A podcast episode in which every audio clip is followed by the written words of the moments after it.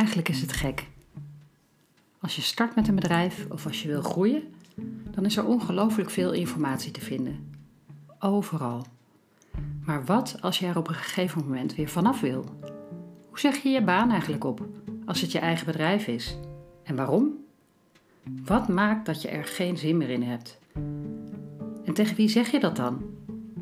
Ik ben Nathalie van der Ploeg en ik ga in deze podcastserie op zoek naar de verhalen van andere ondernemers. Ik wil heel graag weten of zij herkennen wat ik ooit dacht. Hoe kom ik toch van mijn bedrijf af? Weten ze nog hoe het ooit begon en hoe het voelde toen hun idee een beetje aansloeg?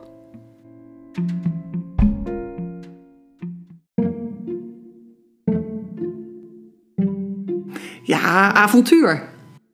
Ik kijk echt met trots op dat bedrijf terug. Het was ja, een soort familie die je had. Leuk. Nou, je hoort het. Leuk. Totdat het niet meer zo leuk was.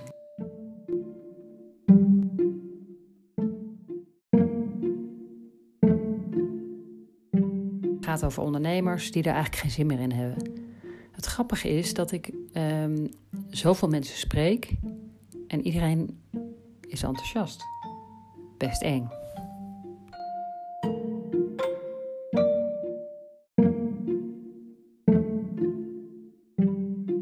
Mijn eerste verhaal gaat over Eva. Bij het stoppen van haar bedrijf speelde corona zeker een rol. Maar dat was het niet alleen. Wacht, ze stelt zichzelf even voor. Ik ben Eva Peek, 56 jaar. Had het bedrijf, het cateringbedrijf aan tafel graag, samen met de partner. Dit jaar gestopt, eh, mede door corona, omdat er geen uitzicht meer eh, was. En door het uit elkaar groeien met mijn uh, zakenpartner. Als anderhalve meter een meter te ver is. Die noodkreet, zoals ik het maar noem, heb ik niet zelf verzonnen. Eva kwam ermee met een bericht op LinkedIn. Het bericht kondigde aan dat zij en haar compagnon gingen stoppen.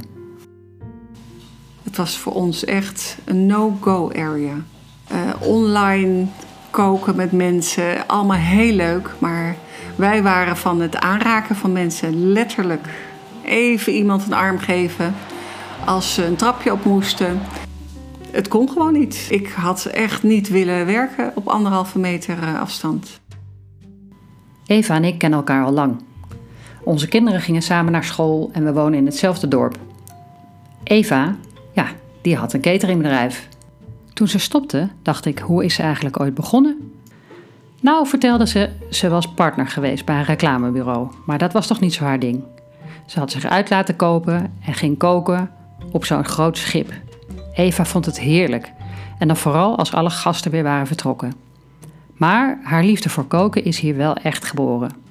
Eva heeft een fijn en goed netwerk. Luister maar werd ik uh, gevraagd door, een, uh, door, mijn uh, nou ja, ongeveer eerste baas waar ik toen werkte.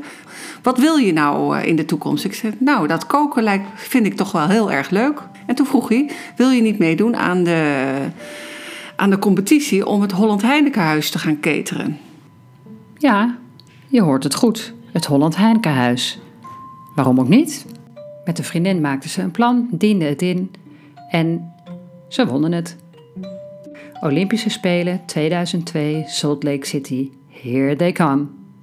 Zonder echt grote kookervaring samen. Dus we moesten naar Amerika om te kijken wat we allemaal nodig hadden daar. We kwamen daar te werken in een, een soort um, nou, cafetaria keuken. Te vies voor woorden echt. Uh, qua hygiëne kan je je dan uh, afvragen of ze die daar wel hadden.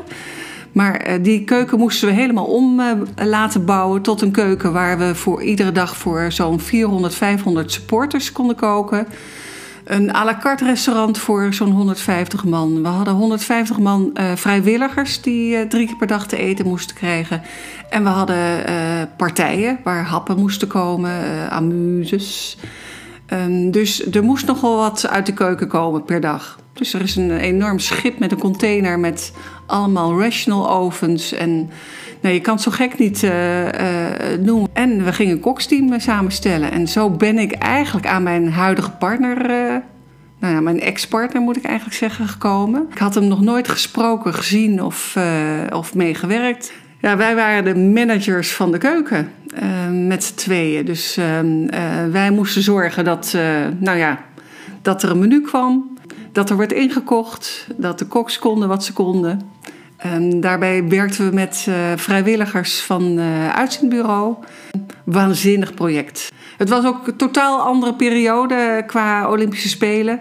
Nog geen Olympisch dorp waar iedereen in zat, in een soort bubbel. En Ehm, wij kregen de schaatsers, Jochem Uitenhagen zat bij ons op het aanrecht. En die vroeg dan, kan je niet een lekker pastaatje maken?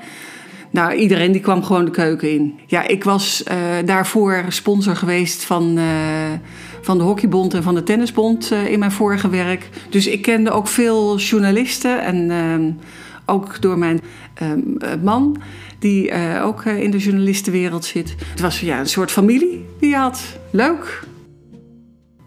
Kortom, in 2002 was de geweldige, vliegende start van het cateringbedrijf aan tafel. Eva gaat terug naar Nederland en daar begint het gewone leven weer. En ik was toen uh, vaste cateraar bij de Hortus Botanicus onder andere. En ik had een, uh, een uh, groot advocatenkantoor als klant gekregen door iemand die in mijn tennisteam zat. Die zei van nou kom maar bij mij uh, cateren. Dus via haar caterde ik best veel leuke grote partijen. Maar dat deed ik met andere grote partners. Um, ik, deed, ik kookte wel zelf, maar met name de kleinere, kleine partijen. Um, happen vanuit mijn keuken. Echt totaal niet echt professioneel geëquipeerd.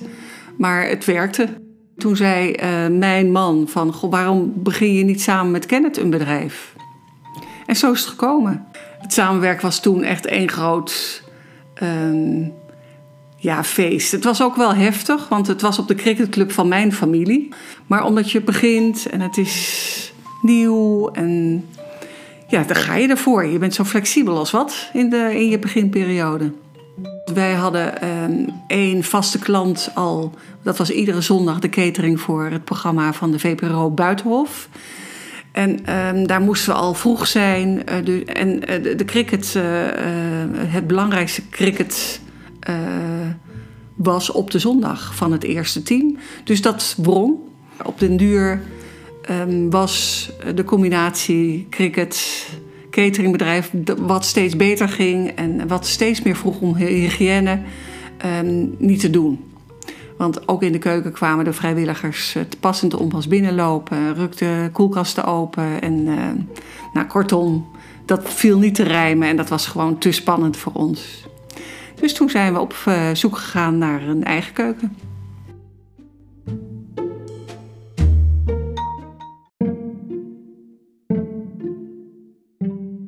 Oké, een eigen keuken.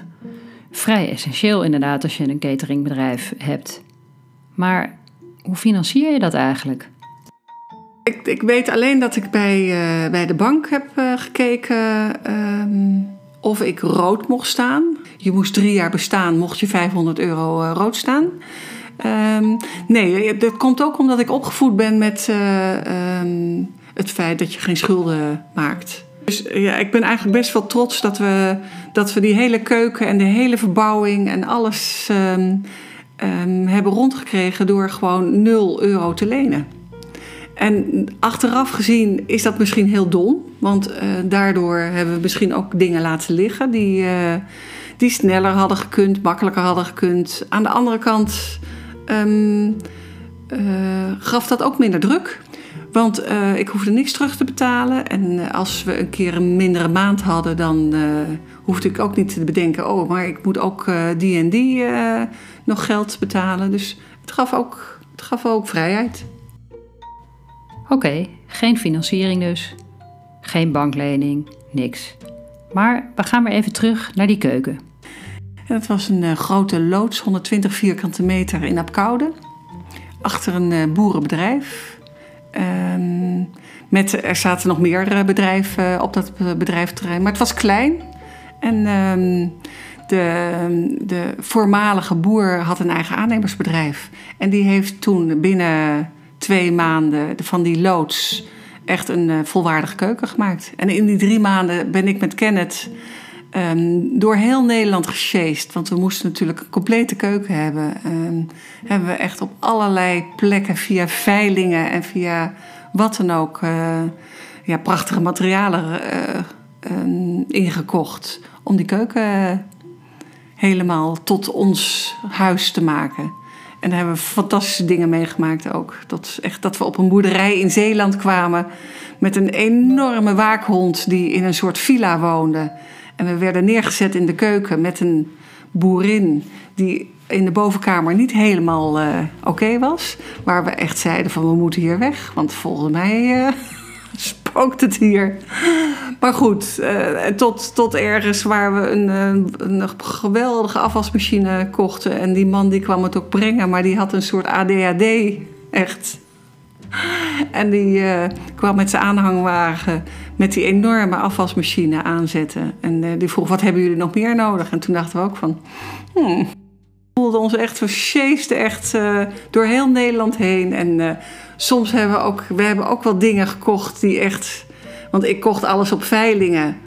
En soms kocht ik iets wat niet helemaal oké was, omdat ik het niet gezien had. Ik was niet naar de kijkdagen gegaan, omdat het ergens in Lim- Limburg was of wat dan ook. En eh, daar moesten we ook wel erg om lachen. Of we kochten een echt geweldig fornuis, maar we hadden geen eh, normaal gas, maar we hadden butaangas. En dat is eh, bij ehm, sommige fornuizen dus niet gangbaar. Dus dan moet je alles laten ombouwen en dan was je echt eigenlijk veel te veel geld kwijt. Dus allemaal dat soort dingen en dan, ja, dat, dat gaf ons vleugels. Ja, avontuur. Je merkt het al. Eva is weer zo enthousiast als ze erover vertelt. Wat een geweldig begin.